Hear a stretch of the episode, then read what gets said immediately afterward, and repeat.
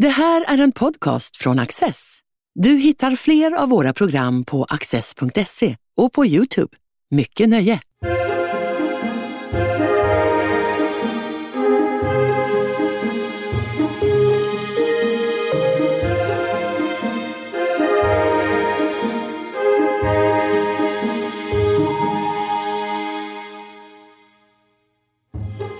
David Bergman är officer i armén och doktorand i psykologi vid Försvarshögskolan.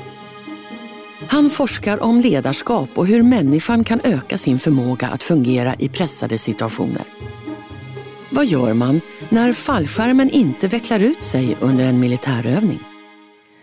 David Bergman, välkommen hit. Tackar. Du studerar hur militär fallskärmshoppning används för att förbättra ledarskapsförmågan hos framtida officerare. Eh, berätta lite mer om det här. Hur länge har fallskärmshoppning använts i det här syftet?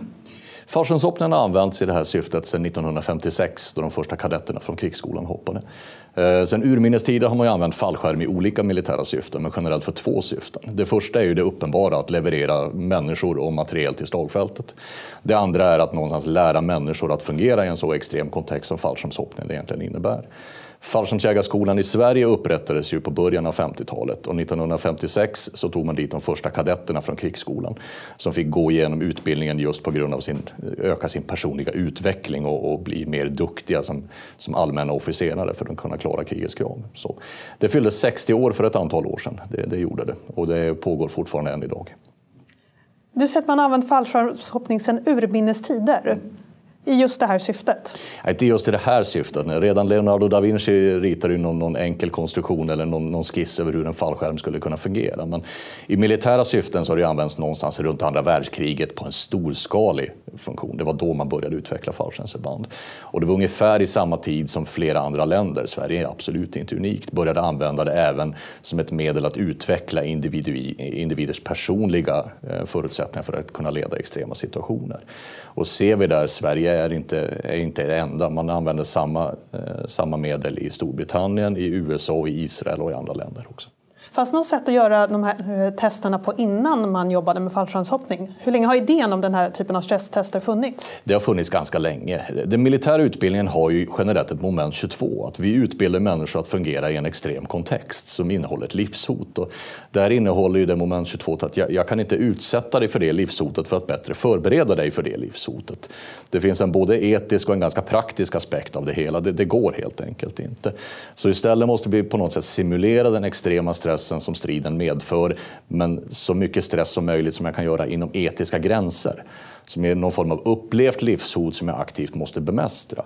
Och där ser man att där är fallskärmen ett väldigt bra verktyg, för det ger ett uppfattat hot mot liv. Jag vet att jag kan inte överleva ett fall från den här höjden. Och jag vet också att jag måste vidta ett antal aktiva åtgärder. Att bara frysa ihop och försöka vara rädd rakt igenom, det, det går inte. Jag måste övervinna den rädsla jag har, ha en bra självtillit till min egen förmåga och vidta korrekta åtgärder. Och det är just det som gör fallskärmen så bra verktyg.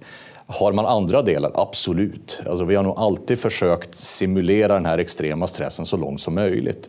Tidigare som man använt, i Sverige använder vi ridning på Karlberg tidigare, för, för hästen är också ett väldigt, eh, väldigt kraftigt verktyg. Och vi har också haft en del, allt som har med vatten att göra och allt som har med närkamp eller boxning att göra. Därför att de momenten innehåller också ett uppfattat hot mot liv eh, och en situation där jag aktivt måste bemästra den. Alltså jag måste vidta aktiva åtgärder för att förbättra min situation. Så det finns en palett av olika delar där man på olika sätt försöker pressa individen så mycket det är möjligt utanför sin komfortzon för att jag någonstans ska bli bekväm även utanför den. Ungefär den logiken. En del i, eh, i en krigssituation är att möta en annan människa, en mm. fiende. Finns det något sätt att öva det här? Det är nog den svårare delen. Alltså, vi kan inte öva den exakta stridssituationen, det går ju inte. Jag kommer möta en motståndare, självklart. Men vad jag kan göra med den här typen av forskning som vi har tittat på här, det är någonstans att säkerställa att när jag gör det så har jag en ganska hög resiliens. Alltså jag har förmågan att dels bibehålla lugnet, alltså jag har kvar en kognitiv förmåga och förmågan att tänka rationellt hur jag agerar i situationen situationen. Men också att anpassa min stressnivå efter det. Det vill säga jag överreagerar inte men jag fryser heller inte ihop och blir apatisk. Och också det tredje, att jag någonstans kan snäppa tillbaka och anpassa mig efter olika typer av situationer alla stridssituationer är ju inte den akuta stressen att möta en fiende utan oftast en lång period av ovetskap men också måste man också kunna gå ner i vila efteråt. Och, och då ser man att de människor som har en väldigt hög resiliens, alltså har gjort ett antal stressövningar, har en väl anpassad förmåga att någonstans justera sig efter den situationen, tenderar att klara sig bättre när de sen möter den där motståndaren. Och vi ska prata mer om det alldeles strax. Men jag skulle vilja börja med att fråga dig, hur blev det just det här forskningsämnet? ja, eh, som jag sa, det, det, finns väldigt många olika delar. Jag har en ganska klassisk militär karriär. Jag har gått igenom militärhögskolan, jag har gjort utlandstjänster, jag har arbetat på förband. Men eh, just att fallskärmshoppningen fastnade med, det var ju självklart att jag gick igenom samma utbildning och för mig var den väldigt utvecklande. Alltså jag var osäker på min egen förmåga men jag märkte personligen att där hände någonting hos mig. Eh, senare några år så växeltjänstgjorde jag med de amerikanska förbanden och märkte där att ja, men där användes fallskärmen, om än i mer utsträckning, just i en ledarskapssituation. Och man hade mycket analogin att officeren alltid först ut genom flygplansdörren, inspirera och motivera och, och de typerna. Men jag märkte också att när jag frågade runt det här, men exakt varför är det bra? Alltså min, min lite vetenskapliga hjärna vill ju ha svar, alltså vad är de bakomliggande? Så märkte jag att men ni säger ju vettiga saker, men ni säger också olika saker allihopa. Alltså vilka psykologiska mekanismer är det som gör mig bättre av det här? Alltså jag vill ju söka rationella förklaringar. Intressant. Finns det tidigare forskning på det? Väldigt lite faktiskt. Mycket tyckande och lite tänkande ska, ska jag ärligt talat säga. Självklart personliga uppfattningar och de är ju inte fel. Alltså, så här har det påverkat mig men forskningen försöker ju också förklara att men hur kan det här vara bra för hela stora massan? Och hur kan vi veta att det här inte bara ger en, en upplevd effekt utan hur kan vi veta att det här sen omsätts till något större? Där, där började jag titta på vad finns det för forskning och, och först trodde jag att ja, men jag är ju dum i huvudet, jag måste ju få min examen. Jag hittar ju ingenting i databasen och sen upptäckte jag att ja, men det kan ju vara så enkelt som att det inte finns så mycket forskning på det här. Eh, det fanns några bra undantag och ett, ett stort är det amerikanska flygvapnet som faktiskt ger sina kadetter samma utbildning vi ger i Sverige. Man ger dem möjlighet till fallskärmsutbildning just för att förbättra sig själv och där fanns det bra pilotforskning. Alltså, inte på piloter utan banbrytande forskning där man hade gjort en, en bra studie som jag kunde titta på. Och vi har haft ett bra samarbete med dem sedan dess. Så viss forskning fanns det, men väldigt lite. En, en förbannelse och en välsignelse i sig, därför att det finns ju mycket obanad mark. Vi vet inte så mycket. Men samtidigt också, det finns inte så mycket att stå på sen tidigare. Man får skapa väldigt mycket. Och hur gör du för att få svar på de här frågorna som du har? Hur mm. ser en vanlig dag på jobbet ut? En vanlig dag på jobbet? Jag måste kunna mäta det här på något sätt. Det är ju det som skiljer mig någonstans från de som bara har en egen uppfattning. Det jag har gjort någonstans först är att följa alla kurser som genomgår fallskärmshoppning och sen kommer frågan hur ska jag mäta det här? Ja, men jag kan ju mäta olika saker rent fysiologiskt. Men förlåt, när du följer de här kurserna, är det mer om ända upp i flygplanet när de ja. ska hoppa? Du är det? Ja. Jag har följt med dem, jag har bott med dem, jag har ätit med dem, jag har sovit med dem sprungit mellan utbildningsmoment och jag har hoppat fallskärm med alla kurser som jag har studerat. Så det, det, det är en väldigt rolig doktorandtjänst kan vi säga.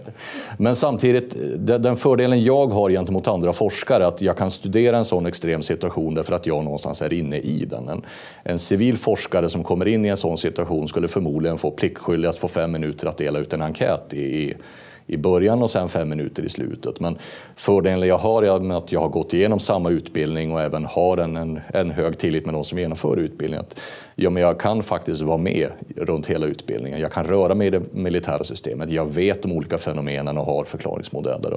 Och jag kan också hoppa fallskärm med dem just för att skapa den där lilla tilliten till dem också. Det tänker jag nästan är en risk att det blir för mycket kompissituation med studieobjekten. Ja. Finns handledaren där då som en bra funktion? Självklart finns det det. Någonstans, jag har ju två duktiga handledare som inte är militärer som någonstans kan ställa rätt frågor. Det du är inne på i den där frågan, att ha ett förförståelse för sitt, eh, sitt forskningsområde. Forskarens roll ska ju bara vara objektiv. Jag ska inte lägga in mina personliga värderingar i det här och det får man ju ständigt tänka på. Då kommer jag alltid tänka, men ska jag vara fullständigt objektiv i det här, då ska jag egentligen inte ha några förutfattade meningar om det område jag studerar. Alltså, jag ska bara tolka, se sakerna och tolka dem utifrån vad datan säger. Men men samtidigt, det där har ju sin begränsning också. Alltså, någon civil eller någon helt utomstående som tittar på vissa fenomen skulle inte förstå i vilket sammanhang de fungerar. Så alltså, jag måste i viss mån ha en förförståelse för att sätta mina, mina resultat i en kontext och också kunna jämföra dem med andra saker som händer i deras utbildning. Så självklart har du alltid ett bias som forskare, det har du, men det är ju inget hinder. Alltså jag skulle säga att det, det är en välsignelse att ha det, men du måste självklart vara medveten om det och ständigt också fråga kloka människor utan samma bakgrund. Verkar det här vettigt? Drar du samma slutsats av den här datan jag faktiskt har fått nu? Ungefär. Är den här typen av forskning någonsin säkerhetsklassad? Du menar att det kan vara sekretessbelagt? Eller? Ja. Nej, det är det faktiskt inte. Själva fallskärmshoppningen och fallskärmsutbildningen är synnerligen eh, ohemlig. Någonstans. Det, det är inga hemligheter. Vilka fallskärmar vi har och vilka procedurer vi har, ja, men det är inga hemligheter. Jag ska också säga att nästan alla länder i världen gör hyfsat lika. Eh, alltså jag har hoppat med länders förband där jag inte förstår språket, men kommandona och tecknen tenderar att vara exakt likadana, vilket gör att du förstår mycket väl. Eh, alltså, jag, behöver inte, jag behöver inte höra de exakta orden, jag, jag, jag kan procedurerna. Sen kommer det självklart in eh, aspekter av sekretess i det hela och det får man ju hantera. Men det är ju också en del av forskningssekretessen, alltså till exempel anonymiteten för, för individen och så vidare. Eh, att det ska inte gå att identifiera vad exakta människor har sett. Det här är ju en, en påfrestande situation även för individerna som jag studerar. Och det blir ju ett litet intrång på deras integritet. Det är ju en extremt påfrestande situation och, och kanske det mest påfrestande de har gjort i sina liv så länge. Och att jag då studerar dem ut efter hur de reagerar, ja men det, det kan bli lite integritetskränkande, det kan det absolut. Men Samtidigt får jag också säga att ja, men jag måste göra det med viss, viss fingertoppskänsla. Och då har ju alltid Vetenskapsrådet har bra riktlinjer att jo, men du måste göra det med respekt för respondentens integritet men också med det klara syftet att det ska ha ett, ett syfte mot deras utbildning. Det ska inte gå att studera på något annat sätt. Och nej, det gör vi. Vi gör den utbildningen för att göra deras utbildning så bra som möjligt. Eller efterföljande individers utbildning så bra som möjligt. Och då har vi motiveringen där. Du tittar just på psykologi och ledarskap. Eh, finns det andra områden som är intressanta? Är det tvärvetenskapligt på något sätt? Det finns ju andra aspekter, absolut. Till exempel hur mycket, hur mycket sluter man sig i grupper till exempel och hur mycket spelar kåranda in i det här. Vi, jag har ju också kommit fram till att misslyckanden på utbildningen eh, kan ju påverka individer väldigt hårt. Och eh, ett misslyckande påverkar ju rimligtvis individer i alla typer av utbildningar. Det är ju ett oönskat tillstånd. Jag vill ju inte misslyckas. Men jag märker att i militära förband som har en så stark sammanhållning och där jag aspirerar att jag vill tillhöra och känna att jag har en identitet i den här skaran så innebär ett sådant misslyckande så oerhört mycket mer. Det vill säga det finns vissa sociologiska aspekter av det också som vi kommer in. Sen finns det ju väldigt mycket symboliska aspekter, att vi bär olika tecken och varför vi gör det och vilka värderingar vi tillägger dem i så fall. Så självklart finns det olika aspekter, men man får ju också tänka någonstans, men nu är jag doktorand i ämnet psykologi och jag får nog avgränsa mig lite grann på det som ska ingå i avhandlingen också. Apropå misslyckande så skriver du att eh, misslyckande är en väldigt god lärare. Mm. Vill du berätta lite om det? Ja, någonstans, eh, Yoda sa ju någonstans att, att misslyckandet är, är den största läromästaren och det har han ju rätt i. Alltså, de största eh, och mest framgångsrika människorna inom sina respektive områden är ju inte nödvändigtvis de som aldrig har misslyckats utan det är ofta de som har någonstans lärt sig att dra lärdomar och dra rätt lärdomar av de misslyckanden. Någonstans, få framgångsrika människor har nog gått igenom livet på gräddfil rakt igenom och aldrig riktigt fått någon riktig motgång i livet. Ehm, utan snarare alla måste lära sig att göra det. Men misslyckande är fortfarande ett, ett väldigt oönskat tillstånd och det är oftast ett oväntat. Alltså jag har inte alltid förväntat mig att jag ska göra det, vilket gör att när jag möter någon form av misslyckande, jag kan inte slutföra den här utbildningen. Här hände någonting jag inte var beredd på. Då måste jag ju dels hantera ett oväntat misslyckande någonstans. Det här dök upp utan att jag var beredd på det. Men jag måste ju också omvärdera min egen självbild. Jag, jag trodde att jag skulle klara det här. Eller det här var någonstans inte den bilden jag hade av mig själv. Jag måste också omvärdera min bild eller min syn på min egen förmåga. Och det är såklart jobbigt för människor. Vi vill ju så gärna titta på externa faktorer och externalisera istället för att dra det till det interna. Vad, vad är det som gjorde att jag misslyckades på den utbildningen? Eh, det man också ska hålla i åtanke det är ju den gruppen jag studerar nu. Alltså, de som läser Militärhögskolan de är ju selekterade och tillhör, vi har det vi kallar restricted range. Det är inte en normalfördelning. Det är de på den övre delen av normalfördelningskurvan. Och ofta är det individer som är väldigt, väldigt tävlingsinriktade, de är högpresterande, de vill väldigt mycket, de är högt motiverade och de tillhör ett kollektiv där man någonstans premierar att lyckas, att vara duktiga, mod, styrka, lojalitet och så vidare. Och någonstans man säger också att failure is not an option. Nej, vi, det, det är nästan fult att misslyckas här. Och den gruppmentaliteten, den andan blir någonstans också väldigt, väldigt påtaglig när man ser individer som misslyckas. Vi ser också som en förlängning det här att de är så oerhört tävlingsinriktade, så duktiga. Så märker man ibland att men de har inte riktigt utvecklat några metoder eller några hanteringsstrategier för att misslyckas. Vi kan ju ha individer som kommer från skolan och har varit bäst i grundskolan, bäst i fotbollslaget, jag var bäst i kvarteret på det här, jag var bäst på min grundläggande militära utbildning och jag har varit bäst på militärhögskolan. Och helt plötsligt kommer den här brädan i ansiktet när jag misslyckas. Alltså, många blir ställda, de har aldrig utvecklat någon strategi för att hantera misslyckanden för de har aldrig riktigt misslyckats tidigare. Hur tar man hand om de här då? Och då måste man ha någon form av uppföljning. Alltså, hur vänder vi det här misslyckandet till ett lyckande? Någonstans. Först hjälpa människor att identifiera, ja, men vad var det som hände här? Nej, du var inte beredd på det. Någonstans. Vi tar bort de externa faktorerna, de påverkar självklart, men det var ju fortfarande du i den kontexten som inte räckte ända fram. Och vad kan vi göra mer för att förbättra din chans? Och sen rimligtvis att säga till dem att så här kan du rehabilitera ditt rykte och så här kan du komma tillbaka och göra om utbildningen. Och där ska jag ärligt säga, där är vi som organisation inte i mål. Vi har ingen systematiserad uppföljning för det idag. Oftast så sker det på grund av alltså enskilda individers engagemang, de lärare som följer med och, och följer upp kadetterna självklart. Men inte på något mer systematiserat sätt. Eh, så det är ingen självklarhet att individer som misslyckas kan få komma tillbaka. Men det faller ju också på sin rimlighet i, i en försvarsmakt som vi är, som är väldigt liten, så blir varje individ så mycket enklare, eller så mycket viktigare. Vi lägger också ner väldigt mycket pengar och väldigt mycket tid och energi på de här individerna. Och när vi gör det så måste vi också säkerställa att ja, men jag vill ju få ut den effekten av det. Jag kan ju inte någonstans låta dig gå eller någonstans försvinna bara för att du misslyckas. Jag måste ju någonstans kunna ta hand om varje individ som misslyckas så att vi får så många som möjligt ut i produktionen. Vilken typ av misslyckande är det du stöter på i din forskning? Jag tänker, du är uppe i ett flygplan mm. med de här kadetterna. Eh, är det så att någon inte vågar hoppa? Är det det mm. som kan hända? Eller? Det är väldigt ovanligt ska jag säga. Då, då, kommer man inte så långt. Utan det finns ju rigorösa processer för att säkerställa att de individer som sedan hoppar fallskärm har kvaliteten nog att göra det och är kunniga nog. Under utbildningen så sker ett antal prov. Eh, alltså man genomför ett teoretiskt prov för att du vet rätt procedurer och kan materialen. Det sker också ett praktiskt uthoppsprov från tornet för att säkerställa att du har inte sådana problem med höjden att du fryser ihop. Och det sker också ett landningsprov där du visar att du kan genomföra en fallskärmsrullning. Just för att du har ju också skadeaspekten av det hela. Men det, det kan faktiskt hända saker och jag måste också säkerställa att du kan göra rätt saker för att förhindra att du skadar dig i en sån här situation. Det, det finns ju den, rent, den personliga säkerhetsaspekten i det hela.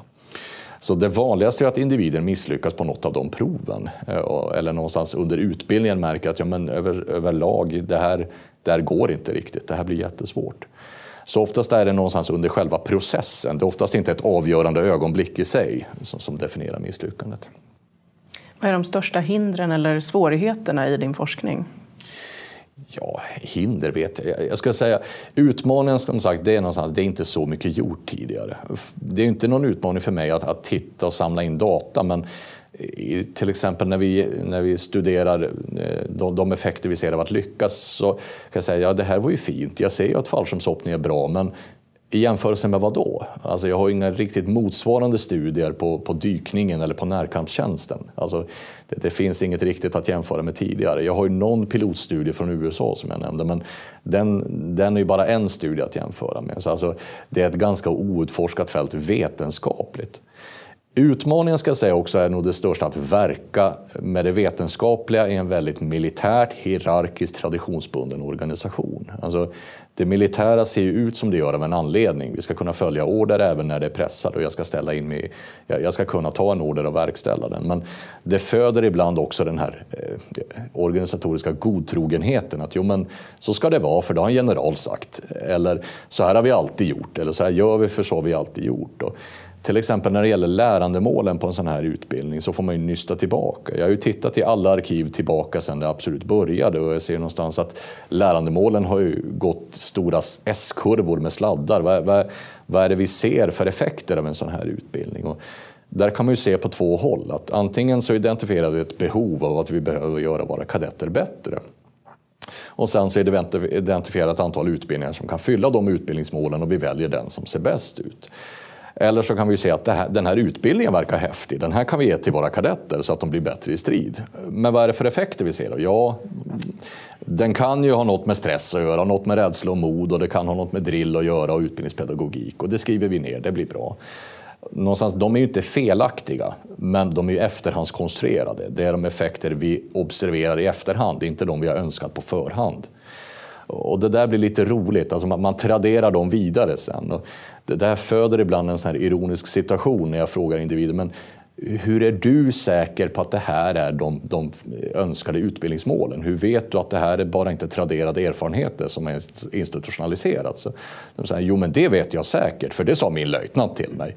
Eh, alltså det, det, blir en sån här ironisk situation nästan när man säger att nu måste vi nog skilja äpplen och päron här någonstans. Eh, men samtidigt är det det som är det häftiga. Alltså det finns ju en, en sån tradition som vi ska ha av en anledning i försvaret men samtidigt kunna sammanfoga den med den vetenskapliga delen av det hela. Så någonstans problem eller hinder vet jag inte, utmaning är nog faktiskt ett bättre ord. Men du som är mitt i det här nu, vilka effekter kan du se när mm. du när du gör den här studien? Nu har jag följt med ett, ett, antal kullar av både kadetter eh, men även de som hoppar av operativa anledningar, alltså de som fysiskt ska hoppa fallskärm från fallskärmsjägarna och specialförbanden. Den tydliga effekten vi ser är att det ökar faktiskt din förmåga till självkontroll, det vi kallar för self-control efficacy. Att du har en effekt tydligt under den, eh, före och efter den kursen, men vi ser också att den effekten håller i sig fem månader efter när vi gör en, en, en eh, uppföljning. Utmaningen här är ju alltid vad jag ska mäta eh, och då har jag gått ner på det som kallas för self-efficacy. Det, det saknar jättebra svensk översättning men självtillit är nog det närmaste. Man ska inte blanda ihop det med de övriga självbegreppen, alltså självkänsla eller eh, någonstans self-esteem på engelska. Hur mår jag med mig själv? Utan det här är väldigt handlingsinriktat. Jag kan, jag gör. Alltså jag har tilliten till min egen förmåga. Den där existerar ju oftast i domäner, någonstans inte generellt över språket utan väldigt specifikt. Exempelvis att jag vågar tala här inför kameror eh, i en lite stressad situation. Det betyder inte på något sätt att jag kan eh, någonstans köra en bil i rusningstrafik. Det är två olika kontexter. Och att jag har en hög självtillit i den ena betyder inte automatiskt att jag har en hög självtillit i den andra. Men man ser också att vid vissa aktiviteter så har de sådana kvaliteter att man får en överspridningseffekt, alltså domain transfer eller halo-effekt har man pratat om också. Att här sprider faktiskt tilliten över sig. Den här uppgiften var så pass svår, så utmanande, men triumfen var också så stor att tilliten det här föder gör också att jag tror att liknande uppgifter med, ökande, eller med samma eller till och med ökande svårighetsgrad kan överkommas på samma sätt. Och det är den självtilliten vi har mätt, att överkomma Ehm, fallskärmshoppningen har egentligen ingen logisk koppling till att leda i strid. Det är två helt olika kontexter. Men att överkomma den svåra uppgiften att hoppa fallskärm föder också en ökad tillit att du kan överkomma rädslan när du väl står i en stridssituation. Så det vi har sett är att den tilliten som vi har mätt med självskattningsskalor, den ökar under kursen och den håller också i sig under tiden. Det, det ser vi väldigt tydligt. Men vi ser också att ett misslyckande på den här utbildningen, de som av någon anledning måste avbryta, kan få en motsvarande eller till och med högre negativ effekt. Alltså det kan sänka deras självtillit, inte bara i fallskärmshoppningen utan även tilliten att fungera i andra situationer. Det är de största, största resultaten vi har fått. Den risken eh, för misslyckande och negativa konsekvenser är värre än att det finns någon risk för hybris när man faktiskt lyckas? Ja, utan... absolut. Och anledningen att vi har haft en uppföljningsmätning det är ju någonting för att eh, jämföra. Men den här effekten vi ser nu, det ska inte vara den där tillfälliga wow-effekten, jag har slutat nian, utan vi vill också mäta att ja, men håller den här i sig? Och jo, det gör den ju faktiskt. Fem månader senare, efter helt andra utbildningar, så ligger den på en till och med lite ökande nivå från det. Och den mätningen ser vi, det är konsekvent, det är oberoende om det är kadetterna, fallskärmsjägarna eller specialförbandsoperatörerna. Den håller i sig, det gör den. I Sverige har vi alltså dragit gränsen, den etiska gränsen för vad man kan utsätta soldater för vid fallskärmshoppning. Mm. Finns det andra länder som har pressat den gränsen lite, som utsätter folk för värre saker? Självklart finns det det. Alltså, vi har ju en säkerhetsinstruktion som säger att det här kan utsätta människor för. Någonstans etiskt. Och vi har ju också en etikprövningsnämnd som säger det här kan du studera vetenskapligt, men bortom det så finns det en gräns för det. Men hur ser man då på att du faktiskt tränar soldater för att kriga mm. mot länder som har helt andra etiska gränser? Ja. Ja, alltså dels har vi en folkrätt i det någonstans, men psykologiskt skulle jag snarare att säga att det kommer tillbaka till den där fingertoppskänslan. Att, jo, men att putta människor lite utanför komfortzonen, det är jättebra, för då kan du utöka din komfortzon. Jag kan lära mig att jag, jag kan fungera i den här situationen och den, när jag känner att jag kan bemästra den extrema kontexten utanför komfortzonen, då är den inte längre lite, lika extrem. Då utökar min komfortzon. Men om du puttar människor för långt utanför den, ja men då blir det traumatiserande. Alltså, då blir det ju en negativ effekt och någonstans jag får ju bara den där negativa halo-effekten. Det här klarar jag absolut inte av. Då kan jag till och med krympa min komfortzon vad jag är bekväm med att göra. Så finns det länder som utsätter människor för mer extrema situationer? Absolut, men oftast inte med några större vetenskapliga belägg för att det skulle fungera. Utan snarare tvärtom. Jag, jag, jag, skulle nog kunna sätta pengar på att det får liknande negativa effekter, att det kan vara rent traumatiserande.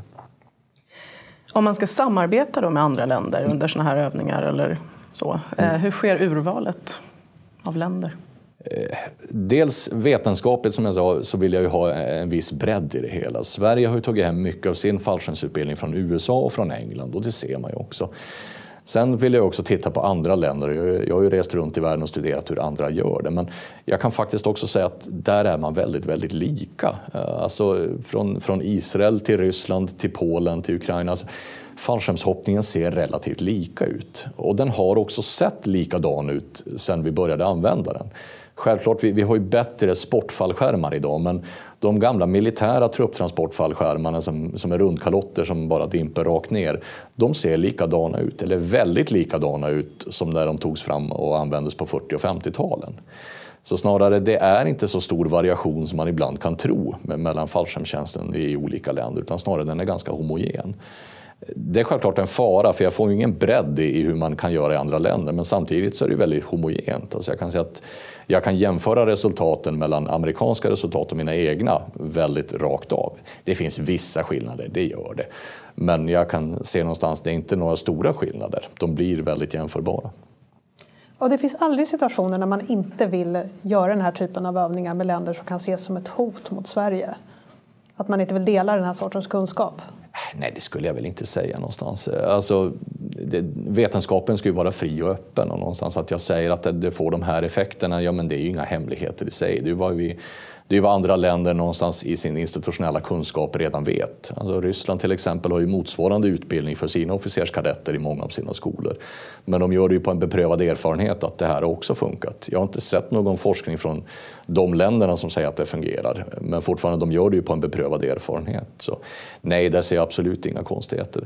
Och som jag sa, det finns inget sekretessbelagt i det här. Det är ju någonstans en institutionaliserad sanning att det är så här vi bäst utbildar människor och alla länder försöker på, på, på alla sätt att ja, men hur mycket kan vi pressa den här gränsen, den här etiska gränsen för att expandera komfortzonen.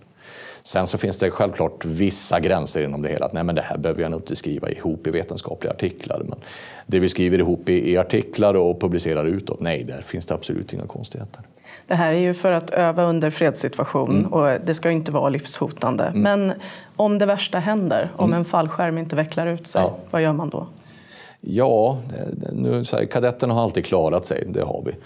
Ehm, och någonstans, det finns ju dödsfall som har skett i Sverige eh, tidigare också inom den militära fallskärmstjänsten. Men samtidigt, det där kan vi aldrig riktigt, riktigt skydda oss mot. Alltså faror finns ju allt. Det fanns det ju med, med ridningen tidigare också. Alltså ridsporten civilt har ju en, en stor olycksstatistik. Och fäktningen kan ju rimligtvis också gå fel och dykningen kan ju också gå fel. Alltså, någonstans allt, eh, allt har ju risker men det är därför vi säger så realistisk utbildning som möjligt inom etiska gränser och i den ordningen. Alltså, du får ju också vända på frågan, men jag ska ju skicka dig i en stridssituation. Det kommer ju vara ett än större livshot.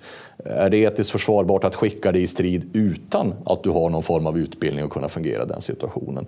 Och väger du det mot, mot det aspekten, ja men då blir det väldigt eh, tydligt att jo, det är faktiskt etiskt försvarbart att utsätta människor för den här typen av stress på hemmaplan. Snarare tvärtom, jag har nog en skyldighet att pressa människor utanför sin komfortzon redan i fredstid. David Bergman, tack för att du kom hit. Tack så mycket.